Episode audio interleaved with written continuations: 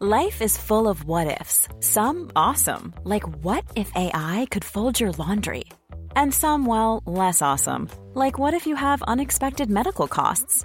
United Healthcare can help get you covered with Health Protector Guard fixed indemnity insurance plans. They supplement your primary plan to help you manage out of pocket costs. No deductibles, no enrollment periods, and especially no more what ifs. Visit uh1.com to find the Health Protector Guard plan for you.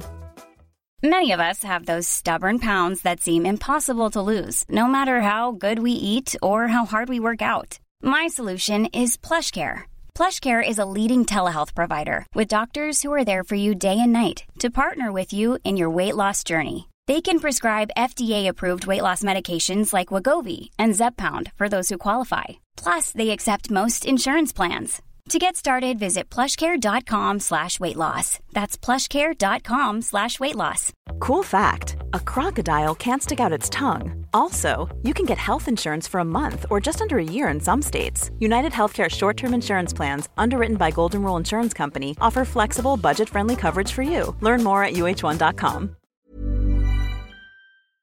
Ann, vet vad som nalkas snart? Sommarsol.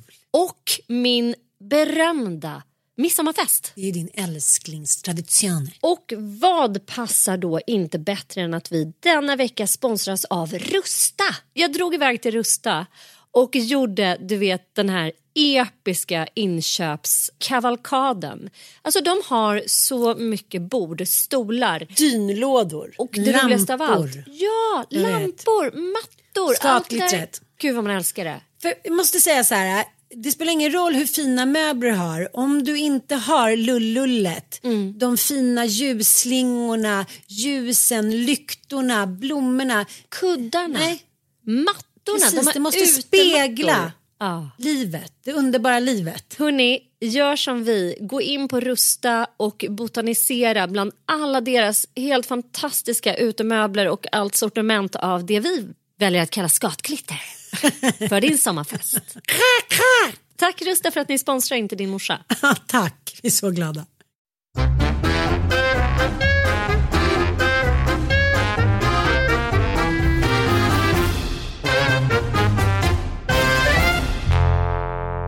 Hej och välkomna till Inte din morsa del 2. Den första delen så får ni inte lyssna på.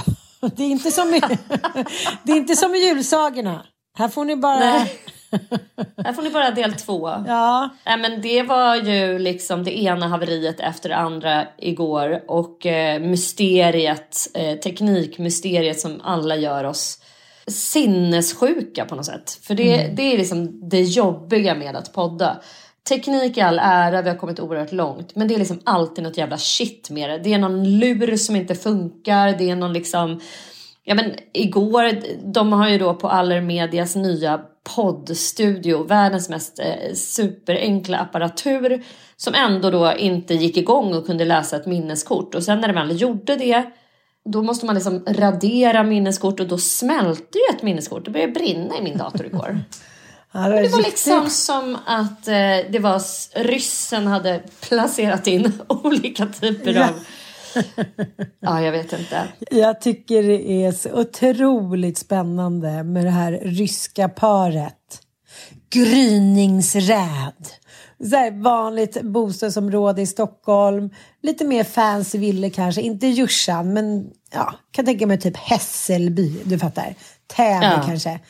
Sex på morgonen kommer så här amerikanska underrättelsetjänsten, typ. eh, Ner i ett vanligt villaområde med så här helikopter. Fyra ner sig själv. Hon bara, kling och klang. Det är 2022. Så här, det, det behövs inte.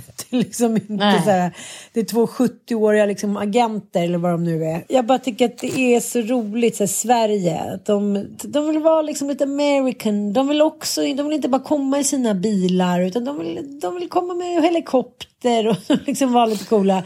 Ja, och så in där och liksom hämta den här kvinnan och mannen. Och kvinnan är ju redan släppt.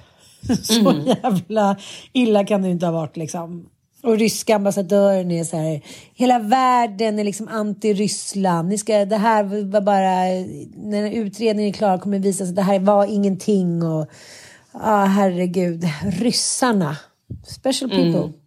Gryningsräd, är inte det ett underbart namn? De har en förbläss för alltså krigens eh, maktmän, eh, för så här, väldigt eh, jag menar, alltså, så här, poetiska namn på sina olika, så här, Gyllene Örnen och Grynings... Eh, du vet, eller hur? De älskar ju sånt. Det ska ändå vara lite så här, det, det ska vara vackra, eh, stridskonstaktiga liksom epitet på allting. Och så bild på dem när de dansar, typ 80-talsbild i blus. Man ska tro att de är lite så heta och på gång.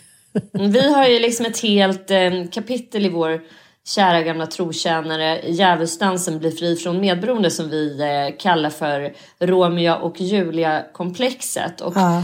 Historien är liksom full av par som eh, går in i någon typ av symbios och utför ja, men brott tillsammans. Alltså ställer sig utanför lagen och utanför samhället och det är du och jag nu älskling och allt är möjligt och nu jävlar ska vi liksom, vi ska Ah, vi ska bryta mot lagen tillsammans. det är ju någonting som pirrar till lite extra med den typen av eh, par alltså. Ja, ja. Sen- Spioneri. Spioneri. Liksom egentligen här, när, man, när man läser spioneriets historia så är det ju liksom inte så avancerat som man tror. I alla fall inte i vår del av Europat. Gårdfaruhandlaren Erik Skytte. Han åkte fram och tillbaka till Ryssland. Och, jag menar, det finns ju några.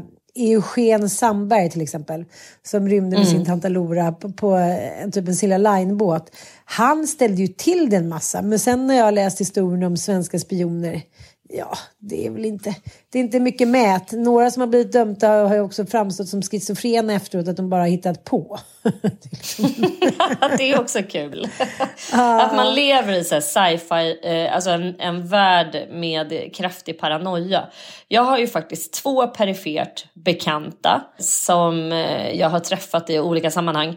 Vars män i så här 40 plus åldern eh, plötsligt då har insjuknat, eller inte plötsligt för det sker aldrig plötsligt även om man kan uppleva det som så, men som har insjuknat då i schizofreni. Och det är ganska ovanligt att man gör det när man är liksom över adolescentåldern, alltså någonstans där kring 20 upp till 27. Men de här männen har då insjuknat efter 40.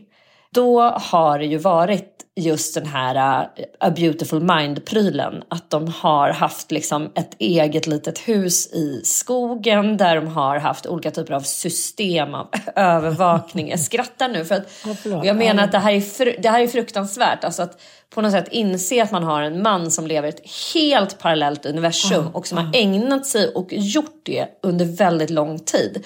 Det är klart att det är extremt traumatiserande.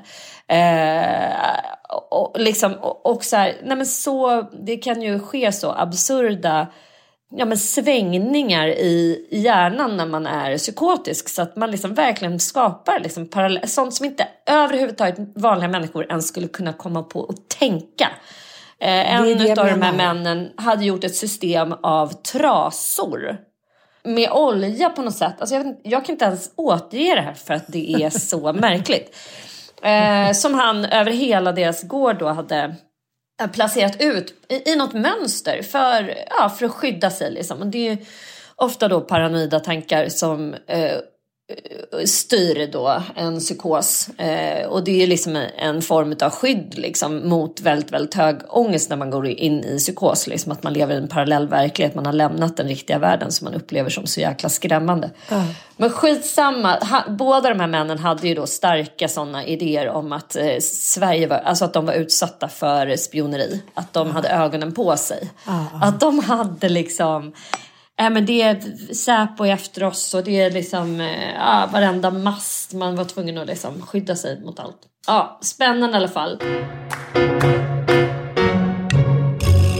Ja, igår natt så eh, efter jag hade eh, varit och tittat på din eh, man i Så enkel är kärleken, fantastiskt, jag ska berätta mer om det sen. Så låg jag då och eh, tittade lite på Instagram, vilket man inte ska göra precis innan man ska sova, men skit i det nu.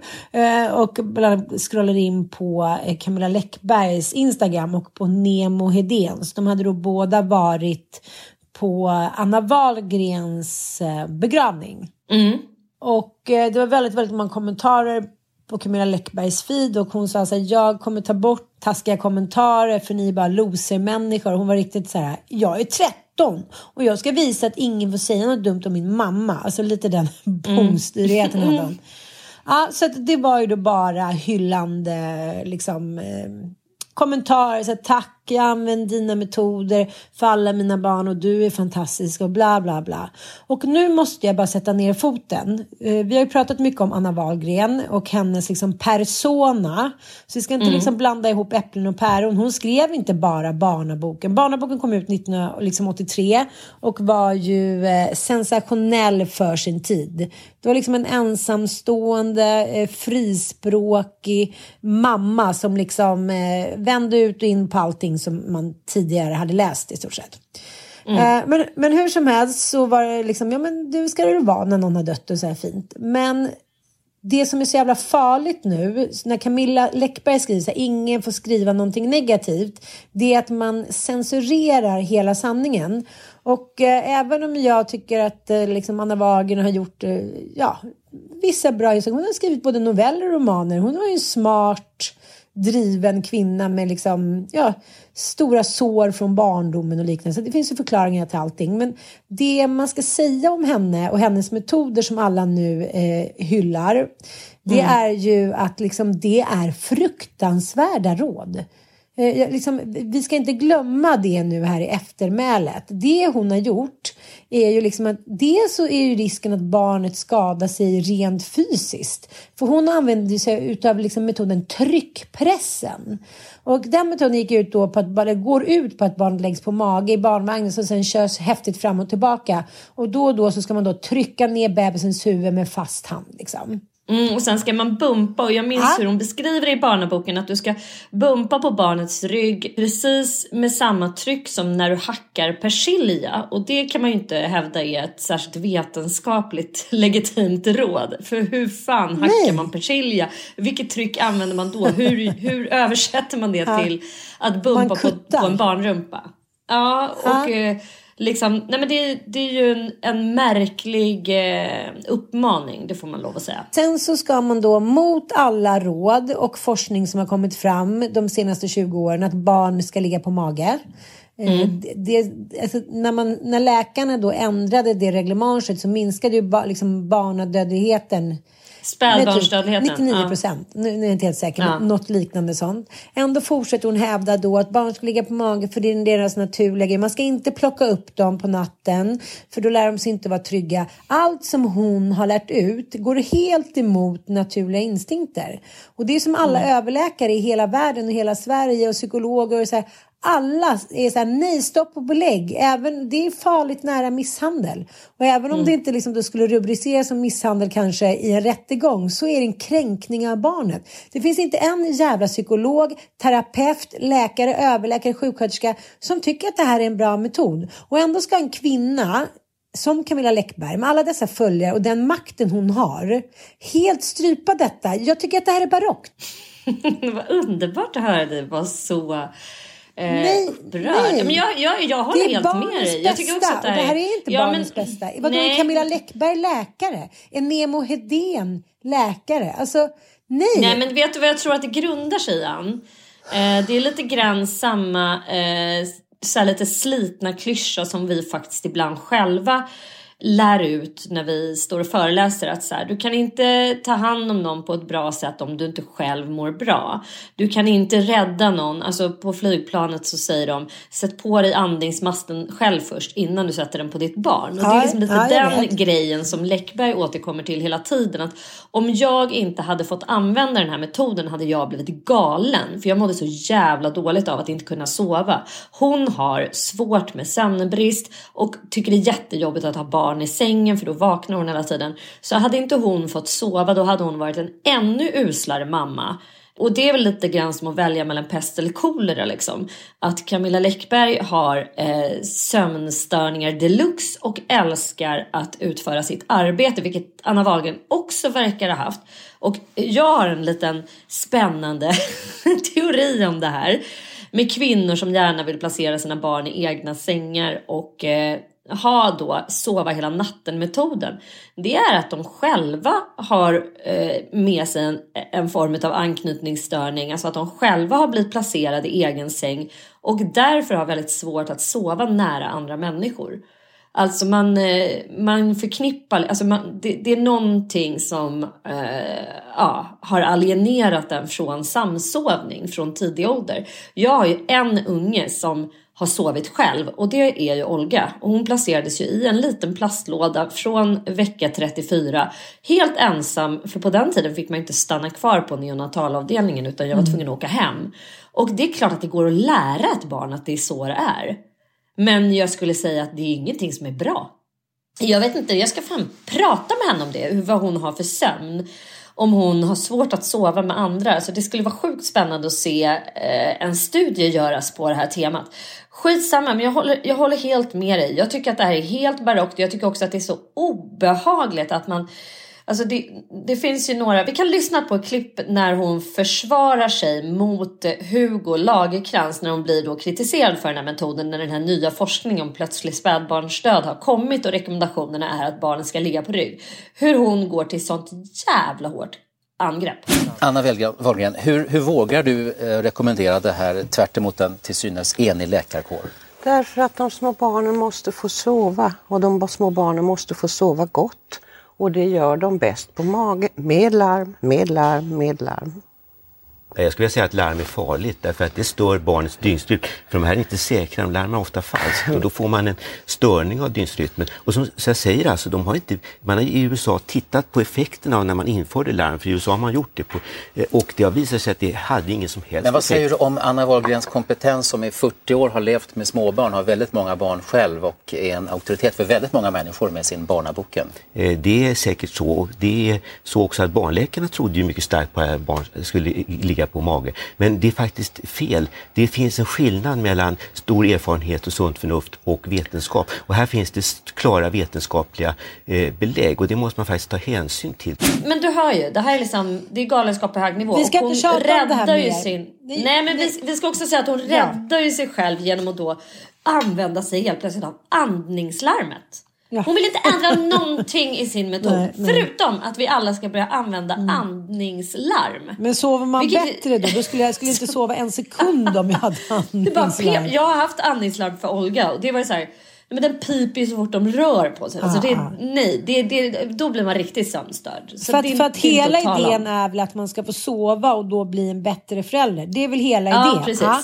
Men mm. om man ska ligga då med den här efterkonstruktionen med liksom en liten biper hela natten. Det, det, tror jag är mycket värre. Men det som var då i, i liksom kommentator, kommentatorsfälten var ju så tack du har räddat mig och nu fick jag sova och bla bla. Men jag har aldrig hört en kvinna som inte har jobbat eller velat jobba liksom några dagar efter förlossningen som har sagt att den här metoden är så himla bra. Nej, aldrig jag heller. Nej. Enough said.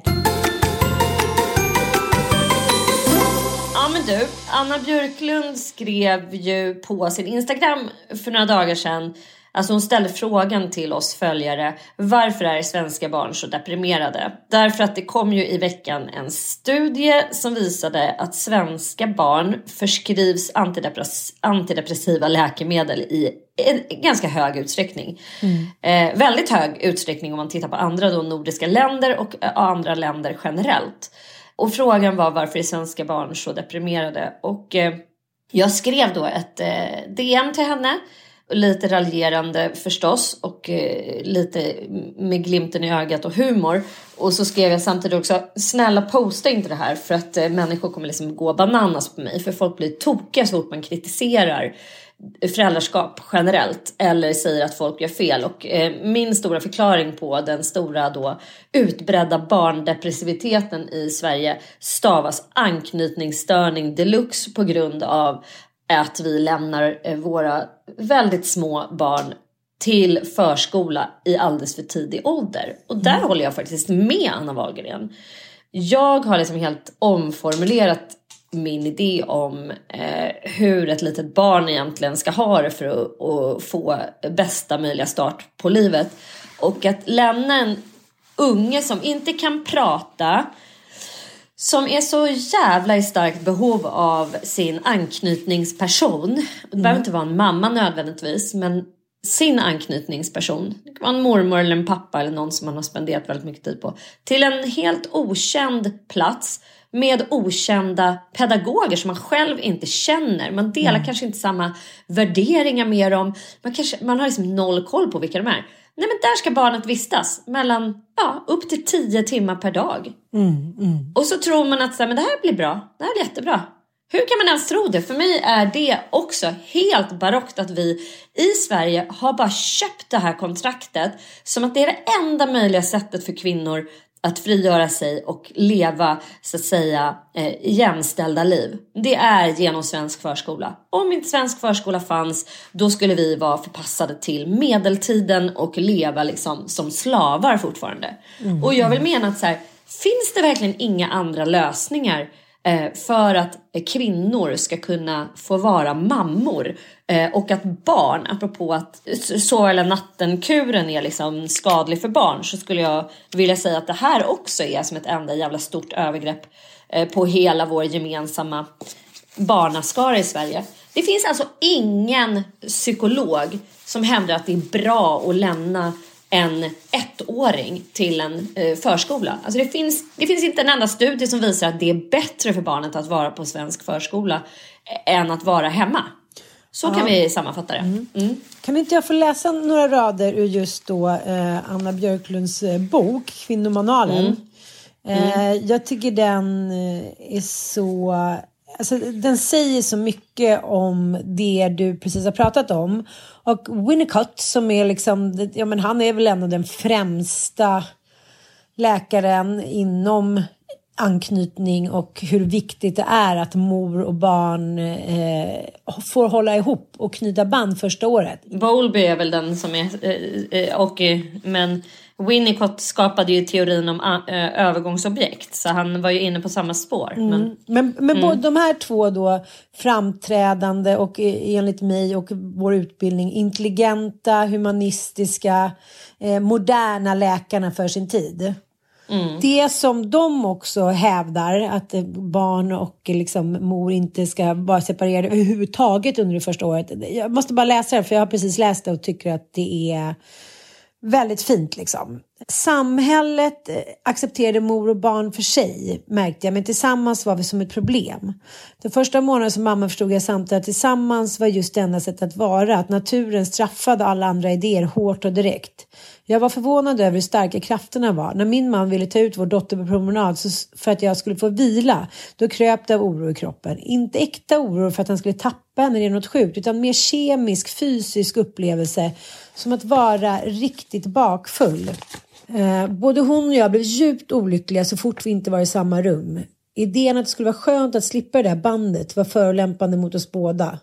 Det var kanske inte så konstigt. Honor som överger sina ungar för att gå och göra något roligare måste få ett helvete. Annars hade människan inte funnits kvar, tänkte jag. Sånt fattade inte Alva Myrdal. Hon hade inget, eg, inget djuröga. Det har hennes son berättat. Ja, eh, jag tycker det är intressant för att Alva Myrdal eh, och eh, hennes karaslok mm. de, Alva var ju liksom egentligen den kvinnan som mest har ja, men liksom på så, pushat på utvecklingen för förskola. Ja men man kan väl säga så här att hela kommunismen pushade ju på en kollektiv fostran, en idé om det och det har ju funnits liksom i det forna då eh, Sovjetunionen så var man ju, alltså vi undrar varför fanns det så många barnhem där? Mm. Och det var liksom inte någonting som bara fattiga barn placerades på utan det var en idé om allmän kollektiv fostran. Att vi låter liksom kollektivet fostra våra barn medan då eh, kvinnor kan då sätta sig i produktion och gå ut och arbeta och bidra till det gemensamma. Mm. Och Alva och Gunnar Myrdal var väl i stort sett knallröda och drev ju den här tesen. Men man ska också komma ihåg att det, de kom ju också ur en arbetarklass. Kommer du ihåg, alltså när man läser om så här fabriksarbeterskors eh, Ja, men tänk Nils Karlsson Pyssling. Alltså på mm. riktigt så stoppade man ner sina barn i en spjälsäng och gav dem typ en limpa och en flaska mm. mjölk när de var ett år. Och så fick de sitta där tills man kom hem efter sitt åtta timmars pass på fabriken. Mm. Så det alternativet då framstår ju Alva Myrdals liksom kollektivistiska barnstugor som eh, himmelriket. Men det ena är ju liksom inte bättre än det andra skulle jag säga. Det är som att välja mellan liksom piss och skit. alltså ur ett barns perspektiv. Hell, ja, men hon offrade ju allt för att göra karriär. Hon bodde ju en, inte ens tillsammans med Jan under många år. Just för att liksom, det var det viktigaste för henne, att synas och höras. Jag, jag, jag, liksom, jag återkommer till det där att de, många av de som har varit pionjärer inom de här områdena har själva då, som Anna Björklund skriver här, inte haft något djuröga inom situationstecken. Och det behöver väl inte alla människor ha. Men det är som du säger att liksom ingenting, får, ingenting får debatteras, ingenting får tänkas om eller lite som med ADHD-debatten. ingen, ah, nu är det så, nu bestämde vi det, det blir mest effektivt, billigast och nu är det klart, nu har vi liksom förskolor. Har... Det hjälper så många, det här, det här är så mycket bättre alternativ och jag känner bara så här, är vi inte mer påhittiga än så? Är vi inte förmögna att liksom skapa fler variationer? Eh, alltså varför ska man då som röd person hata det här vårdnadsbidraget som alltså de blåa, liberaler och kristdemokrater har eh, föreslagit att man då ska få ett vårdnadsbidrag, alltså få den här förskolepengen själv. Alltså förskolepengen per barn ligger väl på mm. 4 500 spänn i månaden eller något sånt där. Mm. Om man nu vill vara hemma med sitt barn då kanske man kan få den och så kan man ju bestämma vad man vill göra med de pengarna. Betala till en barnvakt eller den trygga anknytningsperson som man själv vill liksom eh, sätta sin ettåring i knät på. Eh, det behöver inte lämpligtvis vara en kommunal förskola liksom. Det, det här är, ja, men jag, jag kan tycka att det är så jävla deppigt att så fort man ifrågasätter vårt system med den svenska barnomsorgen som ju är världsunik och som har gjort att vi kvinnor kan gå ut i arbete på ett helt världsunikt sätt. Och jag ska säga att jag har varit Alltså jag har ju omfamnat svensk förskola. Jag har tyckt liksom att dagis har varit räddningen som har möjliggjort för mig att kunna liksom bli yrkesverksam.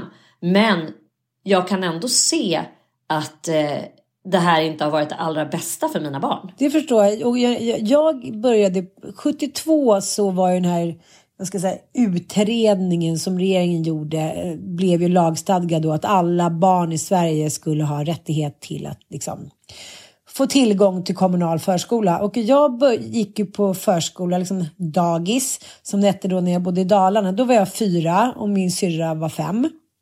Då hade jag varit hemma med mamma och hon hade gjort lite ditten och datten och jag hade varit hos ja, men, dagmammor, mamma var hemma. Det var liksom en lugn, trygg miljö nära mitt hem eller i mitt hem. Och då tyckte jag att det här var så spännande att få cykla runt på små cyklar. Mamma var Men hur gammal var du då? Fyra. Ja. Min syrra var fem. Ja. Men det, det, det, säger ju både Anna Wahlgren, Winnicott, alla barnpsykologer. Ja gör ju den eh, bedömningen att när barnet blir tre år, det vill säga har ett tal. Uh. Då, alltså, anknytningsteorin går ju ut på att du behöver ha en trygg bas som Bowlby liksom forskade på. Han menar att anknytningen är ju en medfödd, alltså djurisk egenskap. Så mm. funkar vi. Vi är att betrakta som apor. Uh. Och vi har ju en väldigt lång barndom innan vi eh, har en färdigvuxen hjärna. Uh. Och, men fram emot treårsåldern då börjar våra utflyktsmöjligheter bli längre och längre. Alltså vi klarar av att vara ifrån den här nära anknytningspersonen. Vi kan, vi kan tala om vad vi behöver, vi kan tala om vad vi har för behov. Vi kan liksom göra oss förstådda för okända främmande människor. Så det är inte så konstigt att när man är tre fyra år upplever man det som kul mm. och härligt. Men när man är ett och ett halvt år, de flesta, liksom, jag tycker också att det är så absurt att man nu har den här snabba invänjningen. Mm. När Olga var liten så hade man då en inskolning på två veckor. Man var där liksom mm. i en timme och så fick man en person. Det här blir Olgas liksom anknytningsperson. Det är Lotta. Och det var verkligen så att hon tog då hand om den här inskolningen som skedde under två veckor.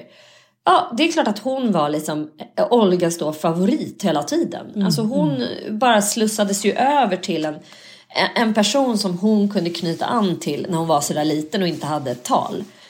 Jag, jag, tyckte att det var en så mycket schysstare metod. Och så började man med korta dagar och så hade man liksom Men nu, då ska det vara tre, tre dagar max. Det ska gå snabbt. Mm. Och då, det enda som händer, då säger men det är så mycket enklare. Nej men det är att barn ger upp. Det, vi kan inte förklara på något annat sätt. Det är inte så att Åh gud vilken bra unge du har. Som är så, det stör jag mig på på Läckbergs Instagram också. Att hon hela tiden ska lyfta fram vilka fantastiskt kompetenta barn hon är. Hon äh, har som klarar av att vara själva när jag och Simon åker en vecka på semester. När hon har det så bra med alla sina underbara människor hon har kring sig. Hon är aldrig ledsen. Hon tycker aldrig att det är jobbigt att sova själv och så vidare. Som att det är duktigt. Mm. Men att vara nidig, att vara behövande, att vara mammig, att vara liksom att vilja ha den här anknytningen och visa det. Det är någonting som ses som negativt. När man lämnar sitt barn på en förskola och inskolningen så att säga går bra. Mm. Då har man ett barn som bara springer in där och inte tittar på sin morsa. Åh gud vad skönt, det gick bra. Mm. Har man en unge som visar normal anknytning, det vill säga är klängig, visar sorg när mamman går. Mm. Nej, men då har man ett besvärligt barn. Mm. Det är klart att de blir deprimerade våra barn. Mm. Jag kan liksom inte fatta hur vi bara kan normalisera det här. Det här borde vara liksom, det borde vara eh, ramaskri, debatt. Alltså förstår du? Och mm. ändå så bara, nej det, vi löser det så här. Det, mm. det får vara så. De får gå in i anpassning och i så här fånläge och typ freeze-läge. Och bara så här uthärda från morgon till kväll i jättestressig miljö. Jag brukar säga det så här, testa att gå en hel förskoledag. På en, en svensk förskola idag. Testa det. Ja, men jag tycker, ja, fast jag, det där tycker jag verkar vara så otroligt olika. Den förskolan som Bobo och Frans gick på in i stan. Det var liksom mm. paradiset på jorden. Det var lugn och ro. De hade tänkt ut olika miljöer så att barnen kunde komma ifrån varandra och inte bli stökigt hit och dit. Så det är klart att det är olika. Man kan inte vara så liksom svart eller vit. Det finns ju fantastiska Nej men Ann, ja, ja, men det är ett faktum. Jag vet ju vad skolpengen, förskolepengen ligger på. Hur många barn som krävs i en barngrupp för att det ska överhuvudtaget vara ekonomiskt görbart att driva en förskola. Och det är liksom mellan 12 till 20 barn per barngrupp. Alltså det är fem barn per pedagog i stort sett. Det är klart att en pedagog inte kan tillgodose fem mm. ett till tvååringars behov. Det går liksom inte. Nej. Och det kommer vara massor med förskollärare nu som går igång och jag menar inte att ni eh, liksom inte gör ett bra jobb. Det gör ni, men ni jobbar ju för fan i en stor lervälling. Det är som att så här, det är ett omöjligt projekt att göra det här jobbet eh, bra. Det är helt fruktansvärt. Alltså, jag är med också i en, en Facebookgrupp som heter Förskoleupproret där man verkligen också inifrån eh, förskolepedagogernas perspektiv får liksom läsa om deras arbetsmiljö. Det är liksom horribelt.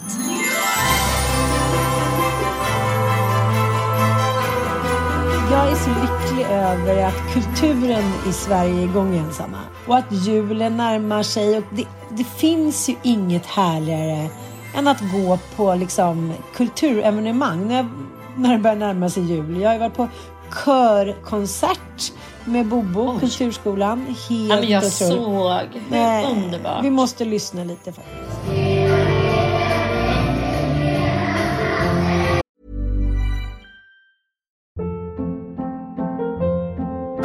Hold up. What was that? Boring. No flavor. That was as bad as those leftovers you ate all week. Kiki Palmer here, and it's time to say hello to something fresh and guilt-free. Hello Fresh. Jazz up dinner with pecan-crusted chicken or garlic butter shrimp scampi. Now that's music to my mouth. Hello Fresh. Let's get this dinner party started. Discover all the delicious possibilities at hellofresh.com.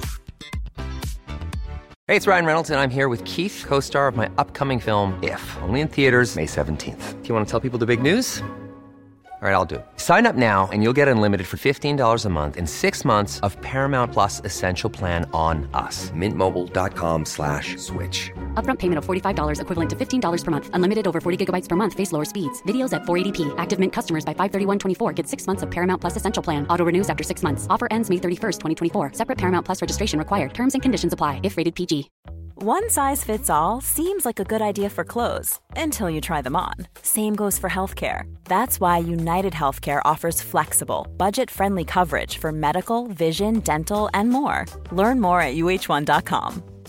Many of us have those stubborn pounds that seem impossible to lose, no matter how good we eat or how hard we work out. My solution is PlushCare PlushCare is a leading telehealth provider with doctors who are there for you day and night to partner with you in your weight loss journey. They can prescribe FDA-approved weight loss medications like Wagovi and Zepbound for those who qualify. Plus, they accept most insurance plans. To get started, visit plushcare.com slash weight loss. That's plushcare.com slash weight loss.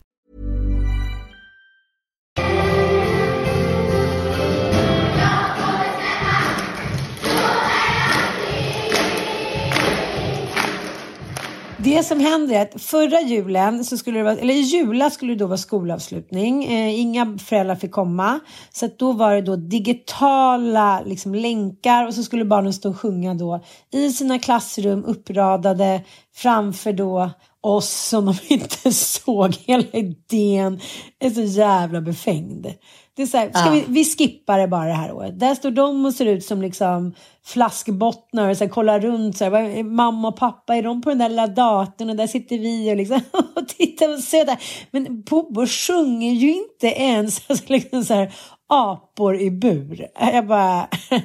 Du vet, han, han vill inte vara med och sjunga, det var pinsamt att gå till musiken. Hans kompisar liksom, de retar varandra och man så här sjöng, det var tjejigt, bla bla bla.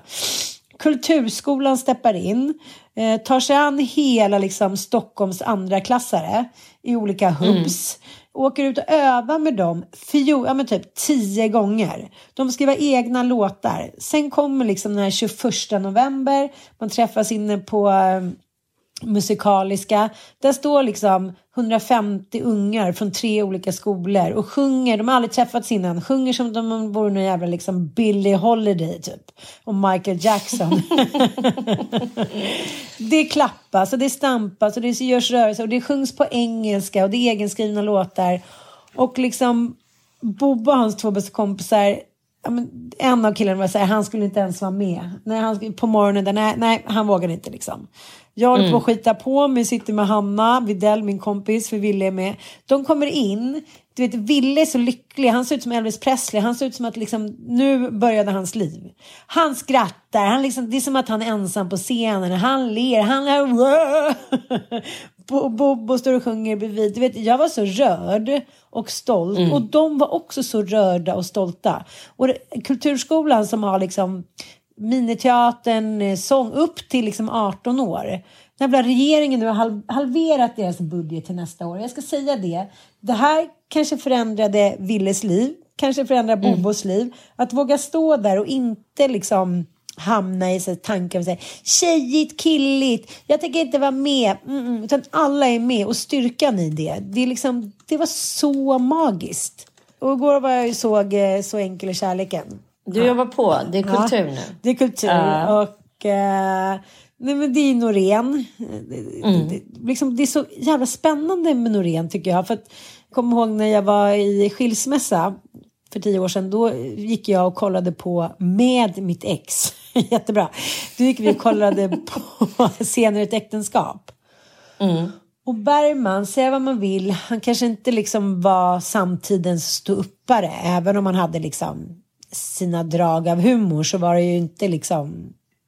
Ja, det, det var ju inte... Det, det, de one-liners som var, det var ju bara liksom anklagelse och svårmod och svärta.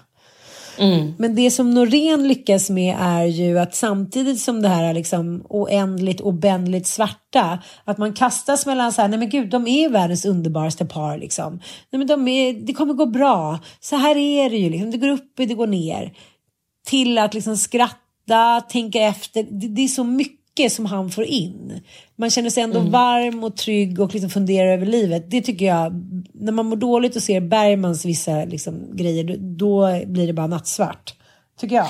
Men, men, ja, och jag tänker också att jag tycker att Bergmans karaktärer ofta är så genom eh, onda. De är liksom inte så flerdimensionella. Men Lars Noréns har ju liksom den förmåga att man vaggas in i den här känslan att men de här är ju underbara de här människorna. Och sen bara händer det. Alltså dysfunktionen är så himla insprängd i liksom värme och kärlek och så, här, så att man man bara liksom blir så att, och det är, det är så det är. Människor är ju Ja. väldigt sällan sådär enkla och svartvita och det är det som det är det som gör det så himla svårt och komplext att, Mm. att liksom bara lämna en dålig relation till exempel. För det är Ja. inte allt som är dåligt. Alltså, Nej. 80% är svinbra och sen kanske det är 20% som är liksom Riktigt ja, men outhärdligt. Ja. Liksom. Ja, alltså, så dyssigt och man blir så förvirrad i det där. Speciellt när man har liksom starka band och man har fått vara liten tillsammans och man har delat liksom det innersta och det mörkaste och det sorgligaste och varit varandras stöd i det. Det blir så jävla absurt då när samma person skickar liksom de giftigaste, vidrigaste giftbilarna. Mm. Det, är- det är det som är hans enorma storhet. Alltså, jag älskar ju Lars Norén. Ja, men jag, jag fick också, så här, också den där smygande svartsjukan som kan ligga liksom sovandes, precis som vilket beroende som helst. Under många år eller liksom, men man lyckas behärska den och så är det någonting som sker som i den här pjäsen då. Och sen så bara liksom öppnar den sina svarta käftar. Och eh, jag tycker ofta att svartsjuka liksom på något sätt beskrivs som att så här, det är kört. Blir man svartsjuk då är det så resten av livet och det är liksom berg och dalbana och det blir misshandel och det är galenskap typ. Eh, när jag tänker på min egen historia av svartsjuka i mina relationer så är det inte alls så. Hur, vad har du för relation till svartsjuka? Eh, nej men jag håller med dig. Jag, jag avskyr generellt när människor säger så här, "Ja, men jag är en svartsjuk typ. Ja. Eller jag är sån. Ja. För att eh, vi, vi är väldigt sällan permanenta i, i, i liksom våra beteenden. Vi utvecklas ju, vi blir ju för fan 80 år gamla näst, många av oss. Det är klart att det händer väldigt mycket under livets gång och det är väl också det som är så fint att man kan, om man har vissa beteenden som man lider ganska mycket av, vilket man verkligen kan säga att man gör av- av svartsjuka tycker jag. Men eh, jag har varit alltså enormt svartsjuk och tidigt i mina eh, första liksom, kärleksrelationer så knarkade jag ju svartsjuka alltså. Jag bara äls ja, men jag älskade att vara i den här rädslan för att bli avvisad. Det var liksom den mest så här, påtända känslan. Mycket mer påtänd av det än att vara full eller att röka cigg eller någonting. Men att så här, jaga ett åtråvärt objekt och sen inte veta om han ska vilja ha mig eller inte. Och gå runt totalt besatt av hans typ ex. Alltså så här var det med min första kille. Eh, jag nämner inga namn, men vi var ihop i, i En två månad. år. Ja, men vårt första halvår präglades av att han liksom, han var ju så nere i sitt gamla ex då. Jaha, det sa Och han alltså- också. Ja, nej, men det, han var öppen med, med det. Liksom, att nej, men jag vet inte, alltså, vi kan inte bli ihop för jag tänker fortfarande på henne. Det är väl gulligt, det är väldigt bra sagt. Ja, i och för sig, det är Men moget. Man tar ansvar. Ja, det är moget. Ja. Ja. Men jag då så här 16 år gammal går ju då med, alltså in i den mentala besatthetens mörkaste vrår. Du vet, researchar henne som en galen stalker. Eh, Tar reda på var hon bor, hur hon ser ut. Och på den tiden fanns det ju inte då Google, det fanns inte Facebook. Utan här var vi tvungna att jobba med liksom, ja men det här var ju riktigt spionarbete när jag tänker på det. Men vadå, Alltså, det var absurt. slut mellan dem? Det var slut mellan dem. Och ni var i men par? jag visste... Ja, men jag var ju ändå besatt av att kartlägga detta hot. På något sätt. Men så obehaglig människa. Eliminera henne eh, bara, eliminera henne. Ja, ja eller, eller liksom, eh, vad har hon som jag kanske kan liksom Jag fattar. Efterlikna? Ja. Alltså så tänkte man ju helt galet. Har hon blont och permanentat hår? Ja, är hon, liksom, hon var ju då mörkhårig och hade kort hår. Jag bara, eh, är det något jag kan gå mot? Nej, men det var, jag var jätteknäpp och jättesvartsjuk. Och det var jag liksom i min relation med Ville också i början. Alltså så mycket så svartsjuka. Och sen var ju det mest absurda och sorgliga att så fort de gav sig hän och öppnade sin famn och la sitt hjärta på en liten bricka och höll fram det. Hej, nu är jag din. Då var jag bara, fuck off, då var inte det intressant längre. På vilket sätt märkte du det då? Alltså på vilket märkt, liksom, sätt märkte du att så här, jaha, Nej, men, för, för ibland kan det ju vara så att man har kände, gått då runt kände jag så här, då är, inte jag, då är inte jag kåt längre. Då är inte jag attraherad längre. Om det inte finns den där anspänningen, den där rädslan för att bli avvisad, att inte vara tillräcklig. Det var liksom den där den här mentala besattheten som finns i det. Det var det som var det intressanta för mig. Och sen när jag väl fick den här närheten och den här dedikationen och den här liksom sunda eh, mötet med en annan människa, då var det som att nej men då vill jag, då, då, då, då kunde jag vara otrogen eller leta efter någonting annat. Och för mig, jag ser ju att det här är så otroligt tydligt drag av eh, medberoende och anknytningsstörning såklart. Att liksom jag mådde eh, så dåligt liksom i vem jag var och hur, hur jag var allt jag hade med mig, allt som var så obearbetat. Så jag var inte kapabel till att ha liksom en sund eh, kärleksrelation. Och eh, det där eskalerade ju i min och Willes relation eh, jättemycket liksom. Och det tog slut mellan oss och då var jag bara såhär, nej men jag måste dit också. Jag kan inte leva ett liv eh, överhuvudtaget med, och ha en relation med någon. För att jag, eh, jag är bara knäpp. Alltså typ, ja. det var liksom så jag resonerade. Och sen träffade jag ju Micke. Och då blev det kanon. Det vart kanon! Nej men det som var kanon, det var ju att liksom säga vad man vill om honom och hans ganska liksom superextroverta beroendebeteenden och dysfunktioner. Men det drog ju saker och ting till sin, sin spets. Mm. Så eh, bara åtta månader in i vår relation så var det faktiskt han som skickade mig till eh, medberoendeterapeuten Lasse Ögren. Och det, det är jag honom evigt tacksam för. Att vi båda har liksom kämpat sida vid sida och identifierat den här problematiken som vi båda kommer ur och som vi båda lider av och som vi båda har hittat vägar ur på olika sätt. Vi har inte gjort samma resa men vi har gjort liksom och jag kan säga så här, jag lever ett liv noll procent präglat av svartsjuka. Jag har mm. inte varit svartsjuk på sen jag gjorde stegarbetet i tolvstegsprogrammet vuxna barn. Så fort jag känner en, en sån där, eh, liksom, det, det, är klart att det kan tända an ibland. Så, Oj, vad tittar han på där? Då, jag, jag går bara därifrån. Jag kan inte vara inne i såna rum längre. Jag kan inte det. Jag är helt eh, allergisk mot det. Mm, mm.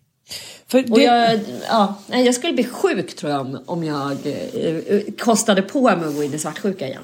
Sjuk skulle jag bli. Men det är det som är så sjukt med svartsjukan också i Noréns pjäs. Micke spelar ju eh, en skådis som sedan 30 år är tillsammans och gift med en kvinna och eh, vill väl gärna då låtsas att det finns ingen svartsjuka och hon påskiner att han inte vill liksom ligga med henne längre och ingenting är bra. Men sen så där under ytan så finns det en liksom galen svartsjuka.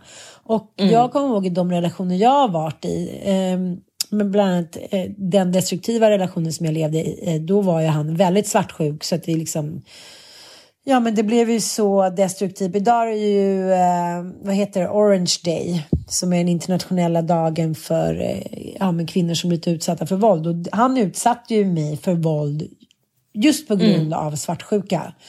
Att liksom helt plötsligt fick han först mm. någonting och blev despotisk liksom. Och det är klart att, att det går att ta tag i sin svartsjuka. Jag har en killkompis som var så här, träffade en ny tjej och kände sig svartsjuk och bara som det här funkar inte. Fan, jag är en modern man. Jag tänker inte vara svartsjuk på någon jävla hockeyspelare från Connecticut. Eh, det här handlar ju om mina egna mönster. Att jag har blivit sviken av kvinnor tidigare. Det är bara att gå till psykologen tills det här är över. Och sen försvann det ju. Så att det är mm. inte så att det inte går att ta tag i sin självkänsla eller i orsaken till varför man känner så. Ibland kan jag känna att det är väldigt många som omfamnar det. Men jag har varit det liksom. Men, men jag, jag, jag vill inte heller gå in i de där rummen. För de gånger jag har gjort det. Svartsjuka tycker jag är, av alla känslor man kan känna, så är det den som är mest livsfarlig. Jag känner att jag, jag har ingen kontroll över den där svarta känslan. Den kan leda mig vart helvete som helst.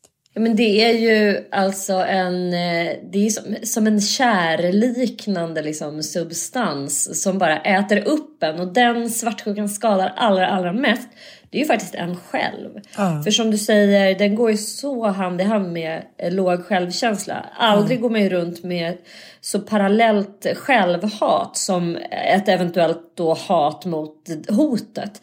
Mm. För att självhatet är liksom enormt. För att man känner ju sig så otillräcklig. Man är också så utelämnad och man är eh, så maktlös. Det är ju det mm. som är på något sätt grunden till Eh, och rädd är man ju när man är svartsjuk. Man är ju rädd för att bli lämnad och det är ju liksom att gå runt och, och ha rädsla och maktlöshet i sig. Det är ju så fruktansvärd, mm. eh, alltså fruktansvärt tillstånd. Jag, jag, är helt med dig där. Det, man vill liksom inte ens gå in i de rummen och jag hoppas att man slipper hamna i ett sånt där läge. Sen ska jag ju också säga så här, vilket eh, vissa, som jag kan tycka är lite felaktigt. Vissa människor säger nej men man är bara svartsjuk eller inte. Det spelar liksom ingen roll vem man, vem man är ihop med och hur de är.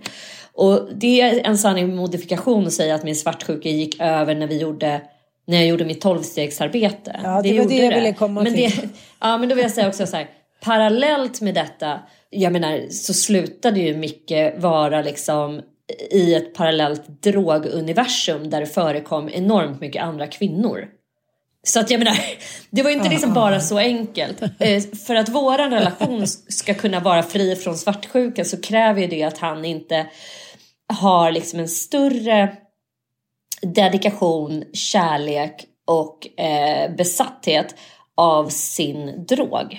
Mm. Och drogen i det här fallet för honom, det var ju inte liksom bara eh, kokain och sprit utan det var liksom hela så här, det jag kallar för den mörka parallella världen. Mm. Eh, liksom olika typer av så här, kvinnor, uppvaktning, bekräftelsebehov, att ha en hemlig värld på något sätt ah, som består av eh, fri tillgång på eh, substanser och eh, kickbeteenden typ. Mm, mm. Eh, och det är klart att skulle, jag, skulle han aktivera det där igen och det jag menar som jag tror på något sätt har förändrats i mig, eller jag vet att det har förändrats eh, eftersom han har tagit återfall några gånger. Jag går inte in i det då. Nej, jag skulle nej. aldrig få för mig att så här, kolla en telefonlista eller alltså, så här, gå in och försöka eh, kontrollera eller dechiffrera vad han håller på med. Det, det loggar jag bara helt ut ur. Liksom. Det skulle jag aldrig göra. Nej, men det är det jag menar. Att så här, vi stoppar liksom fingrarna i syltburken 99 av 100 gånger helt onödan. För det går inte att kontrollera det. Folk kan liksom Nej. pippa in i garderoben när man själv står och tvättar med någon annan kvinna eller man. Alltså så här, det är liksom, otrohet och svartsjuka. Det finns, när jag insåg att det går liksom inte att kontrollera den. För det spelar ingen roll vad jag gör. Sen kan det ju där flamma upp när man liksom har dåligt relation, när man kanske inte har så mycket eh, samliv, intimiteten för har försvunnit tillfälligt. Bla bla. Då kanske det inte är jättekul om man är någonstans och typ en snubbe är så här, fan vad snygg, fan vad sexig, cool. Mm. Då kanske man liksom faller igenom lite. Men det handlar ju egentligen inte om svartsjuka, utan det handlar ju mer om att så här, fan vad jag ser att allting faller isär. Det är ju liksom en sorg och en maktlöshet och det är ju svartsjuka också. Det är en maktlöshet, att man är så här, jaha, man, man, man målar också upp liksom chimär i sitt huvud. Ja, det är en sån tjej då. Han tycker hon är het för att hon är allt det jag inte är. Så att säga liksom. Mm, och mm. Eh, det spelar ju egentligen ingen roll heller. Eh, alltså, det, bara, det går inte att kontrollera och det är jävligt jobbigt att inse men Nej, jag håller med dig. Det, det, går att inte stoppa in liksom, fingrarna i syltburken. Sen så av liksom, det handlar om så mycket mer än bara liksom, svartsjuka i kärlek. Jag tycker ofta så fastnar man där så här. Man är svartsjuk på den där tjejen, snygga tjejen på jobbet. Man kan ju vara svartsjuk som du var ju svartsjuk på drogen. Man kan vara svartsjuk på mm, liksom, det, det mm. fria livet. Jag läste en spännande artikel igår om just kärlek. Att, att män tycker inte de behöver vara så uppvaktande och ömhetsbetydelsefulla. För de vet inte själva hur det är att vara utan eftersom kvinnor hela tiden kompenserar då relationer och kärlek. Så de kan inte ens föreställa sig hur det är att inte leva i det universumet där kvinnor gör det moj-moj. Mm, jag tyckte det var en mm. väldigt bra förklaring. Men lite avslutningsvis här så tänkte jag bara fråga. Den frågan pratade vi om igår. Det tyckte jag var så himla roligt.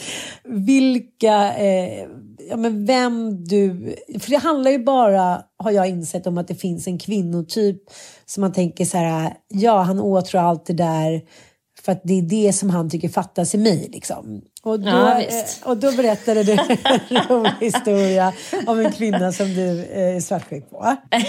en kvinnotyp, men alltså ja. ja, jag och en kvinna. Eh, nej men så här, alltså det finns ju, alltså Micke har ju en eh, fäbless för så här, atleter och eh, eh, besatthetspersonligheter, alltså så här, Everest-klättrare, prima ballerinor, människor som med sin kropp drar saker och ting till sin spets, någon djuphavsdykare. Alltså, eh, du, du, du fattar typen. Ja, någon som är men så här, jag ska träna mig till liksom... Jag eh, offrar att kunna- allt annat för att Ja, ha liksom, en offrar perfekt allt. kropp. Du sa att Nu han ska jag började cykla med... till månen typ. Ja, du sa också att han började typ med, med ballett för att han blev kär i en prima ballerina. Ja men så, så var det verkligen. Det Han, fan han började ju sjukt. dansa det är Ja, men sjukt. han, han, eh, eh, han fascinerades väl av att eh, jag, menar, jag förstår det. Jag tycker också att det är extremt fascinerande med människor som tar sig för det som för andra ter sig som omöjligt. Typ klättra Everest och sådär. Men, eh, Vasaloppet, ja, Frans Södlund. Perfekt kropp. Ja men det är en, det är en, en sexig eh, egenskap att kasta sig in handlösa saker och bara ge sig fan på att man ska klara dem. Så jag är liksom helt med honom på det. Men det är också väldigt olikt mig. För jag eh, kan ju för fan inte ens motivera mig att gå ner i vårt hemgym och köra ett pass. För att jag eh, går hellre en promenad med mina hundar. Jag tycker inte om att liksom eh, lida på det sättet eh, när jag ska träna. Att förnedra dig var ful. det är steten i dig. Du bara, jag tycker inte stå liksom på det jävla gymmet och fisa. Nej, jag tycker att det är ful miljö. Det är också så här ful musik. Det är...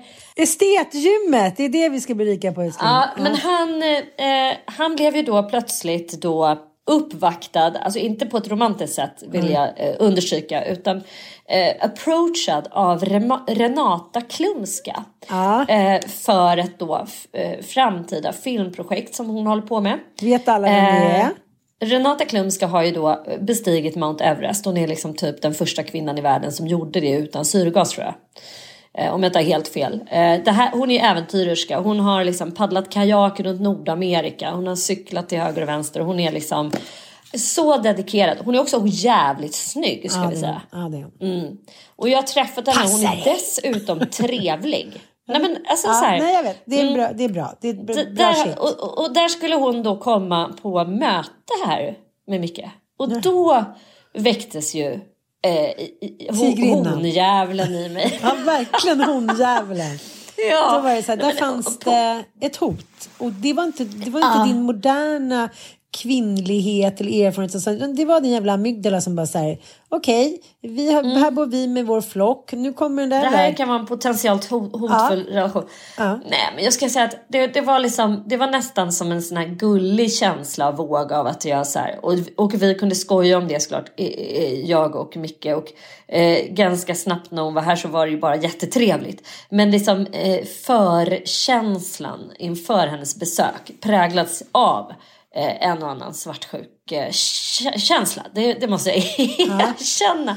Och den typen av kvinnor då som eh, som har de här extraordinärt eh, eh, vassa egenskaperna att eh, fulfill olika typer av äventyr. Där, där, där, där vädrar jag hot, det gör jag. Det måste jag erkänna.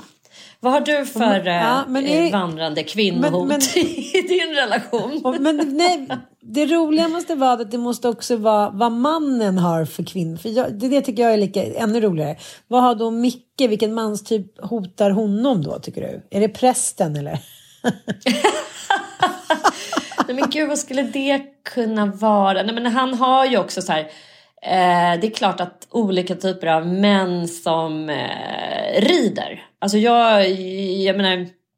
Om inte jag var ihop med Micke skulle jag gå ut på riktigt på en så här amerikansk dejtingsida och kräva att bli ihop med en så här American rancher. Det, det är där du har mig den dagen jag och Micke liksom. Då kommer jag flytta till till någon enslig ranch i Nordamerika och bida mina dagar tillsammans med en cowboy. Det är bara så det är. Och den typen av män är inte så frekvent förekommande i den svenska faunan. Men det finns en och annan cowboy här, det gör det. Det, det kan nog uppfattas lite som, som ett hot. Då vill han gärna vara med och ta ridlektioner och sådär plötsligt. Ja, vill han ju aldrig annars. ja. ja, okej. Men jag då? Nej, men jag tror att att det handlar om, om, eh, om det där att man liksom inte förstår så här, jaha, man märker att det är någon känsla som uppstår, men man är så här, man kan inte identifiera den för man tänker så här, det där är allt som jag inte är. Och då känner jag att man blir väldigt också så här naiv och hamnar på någon liksom eh, infantil nivå. För att det handlar ofta så om utseendet. Man bara, mörkhårig, stora tuttar, vältränad. Alltså man bara, varför då? Det är så olikt mig. Ungefär som man själv liksom när man går till vidare i andra relationer. Om man jämför liksom mitt ex och min nuvarande utseendemässigt och liksom personlighetsmässigt så är det så här som att sätta så här Ja men du vet, Gud och smurffarfar bredvid varandra. Men du fattar. Vem är vem? Ja, jag kommer ihåg med mitt ex att vi satt och kollade. Vi skulle hela tiden kolla på den här, de här olika filmerna. Eh, Transformers. Du vet, de där jävla bilarna. Mm. Så, jag fattar Gud, det är typ så- jordens vidrigaste film. Jag har Ja. tvingats se dem så många gånger. Mina barn älskar ju dem då. Ja, men de är väl lite Mm. underhållande liksom med barn, men kanske inte med så här sin karaslok. Man säger, ja, han är ganska kulturell. Jag fattar inte varför vi skulle kolla på det där. och så gjorde någon så här, vad heter det, så här, sanning eller konsekvens på någon fe- fest. Då var det någon så här, ah, vilket är ditt frikort? Han bara, Megan Fox. Jag var så här, va? Det var också samma trigger att så här, ja, du vet, sillig tuttar, muskler, det här långa svarta håret. 35 kilo typ. Eh, det tror jag. Och för, för mina karlar har det varit så här, väldigt mycket med svartmuskiga män. Män från Fjärran Östern. Män med exotiskt klingande namn och liksom eh, ja, liksom lite hemliga. Lite poetiska. Det, det har varit jobbigt. Eh, Det har det. Det har alltid varit jobbigt. Mm. Det har alltid varit jobbigt med, Ja. med de där poeterna. Ja, det, det är spännande med svartsjuka, men ni som är drabbade av det, dels finns det massa böcker eh, som faktiskt kan hjälpa till och bota en. Eh, och dels så kan man gå till en terapeut och eh, få verktyg. Få Det massa verktyg, Det är ja, absolut verkligen. inte omöjligt, men mitt bästa råd är kanske ändå så här att bara blocka det. det finns ingenting man kan göra. Nej, men det går. handikapp. Det går. Nej. Alltså, vi är ju alltså, jag, jag erkänner, jag har liksom livnärt mig, jag har knarkat svartsjuka, jag har varit så inne i de rummen och bara både hatat och älskat och, och liksom låtit mig uppfyllas av det. Så här. Men jag eh, har verkligen kunnat välja bort det. Att aktivt släppa taget, det är ju ett uttryck som man använder då frekvent i tolvstegsprogrammet och det är liksom att så här, när tankar av den här typen kommer då tvingar man tankarna till någonting annat. Alltså att släppa taget handlar jättemycket om eh, KBT. Att bara så här, tvinga tanken till en annan plats. Och att eh, göra någonting helt annat. Alltså göra någonting helt annat. Distrahera sig från de här känslorna och tan- tankarna. För känslor föregås ju oftast alltid av tankar. Och eh, dessutom så tycker jag också att svartsjuka är ju ur ett filosofiskt perspektiv också så vidrigt. Alltså att bli utsatt för svartsjuka. Du som ju har levt med en, inte bara svartsjuk man utan en våldsam man. Alltså där svartsjukan går över till att kontrollera, hota och faktiskt utöva våld. Det är ju det värsta man kan bli utsatt för som vuxen människa. Att någon ska liksom kränka ens integritet, kränka ens personliga valmöjlighet och ens frihet. Eh, och jag tycker jag kan se så här eh, en normaliserad svartsjukekultur. Att man säger, vad var du? Varför är inte du hemma ikväll? Vad ska du göra? Vad du ska meddela mig när du ska göra någonting. I, i liksom parrelationer som jag tycker är så absurd. Det är klart att man kanske vill ha framförhållning av praktiska skäl. Men att liksom ålägga någon munkavle eller så här, eh, begränsa någons frihet för att man är svartsjuk. Alltså då har man big fucking problem som man borde göra någonting åt raskt. Deal jag säga. it. Vi är hårda idag. Deal with it motherfuckers. Annars kommer Megan Fox. Ja, un- tänk, det kan ju faktiskt bli en annan ru- rubrik på det här också. Ja, Jag kom vi på en annat par som jag tror att eh, eh, Micke kan vara lite svartsjuk på. Jag kan märka det ibland. Jag är, följer ju slaviskt Alex och Sigge. Och det händer ju titt som tätt att jag pratar om saker som de har sagt. Och, alltså jag skrattar högt när jag går och lyssnar på deras podd. Jag har liksom ett, ett, ett, en hubb med Alex och Sigge. Det känns som att jag umgås med dem. Och det blir han jag tror inte kanske han blir så svartsjuk på dem, men han kan nog bli avundsjuk på dem. Ja. Speciellt på Alex. För att jag tycker att han är så Briljant. otroligt jävla briljant. Eh, I både text och i, alltså, i hans tankar. jag, oj, oj. i liksom, jag sitter ju och hyllar honom här. Och han, han, han är så här, håll käften med det där. Jag vill inte höra på det. Alltså, han blir så provocerad. Han jag vill inte höra om det här Pigg och Sigg och allt vad de heter. Jag vill inte höra om dem. Det är liksom too good to be true. Ja, det, de är liksom ja, ja, det är inte- Deras ja, det- hjärnor är liksom... Det är det jag menar I'm med poeterna. Att det är Mm. så här, när, när Ja, man har. Det ordets makt samtidigt som man har talets makt. Men så är mycket, det säger Micke ofta till dig Mini, orkar inte med er två. Ni ska inte vrida om min hjärna. Sätta griller i huvudet med era jävla ord hit och dit. liksom, försök inte, jag går inte på det där. Jag liksom, ni kan så här, lura mig vart ni vill, men det räcker nu. Nu är det bra. Ja. nu är det bra. Ja. Okej älsklingar, nu är det faktiskt bra. Eh, puss och kram och tack för att ni lyssnar. Och hörni, eh, lyssna nästa vecka på Fråga Freud. Vi hade ju ett litet uppehåll förra veckan. Eh, av tekniskt haveri skäl där också. Men nu är vi tillbaka och vi har då ingen mindre än Fi som ställer en så intressant fråga. Så lyssna på onsdag så ska ni få er lite härlig psykbaby till mans. Puss och kram, glad första advent.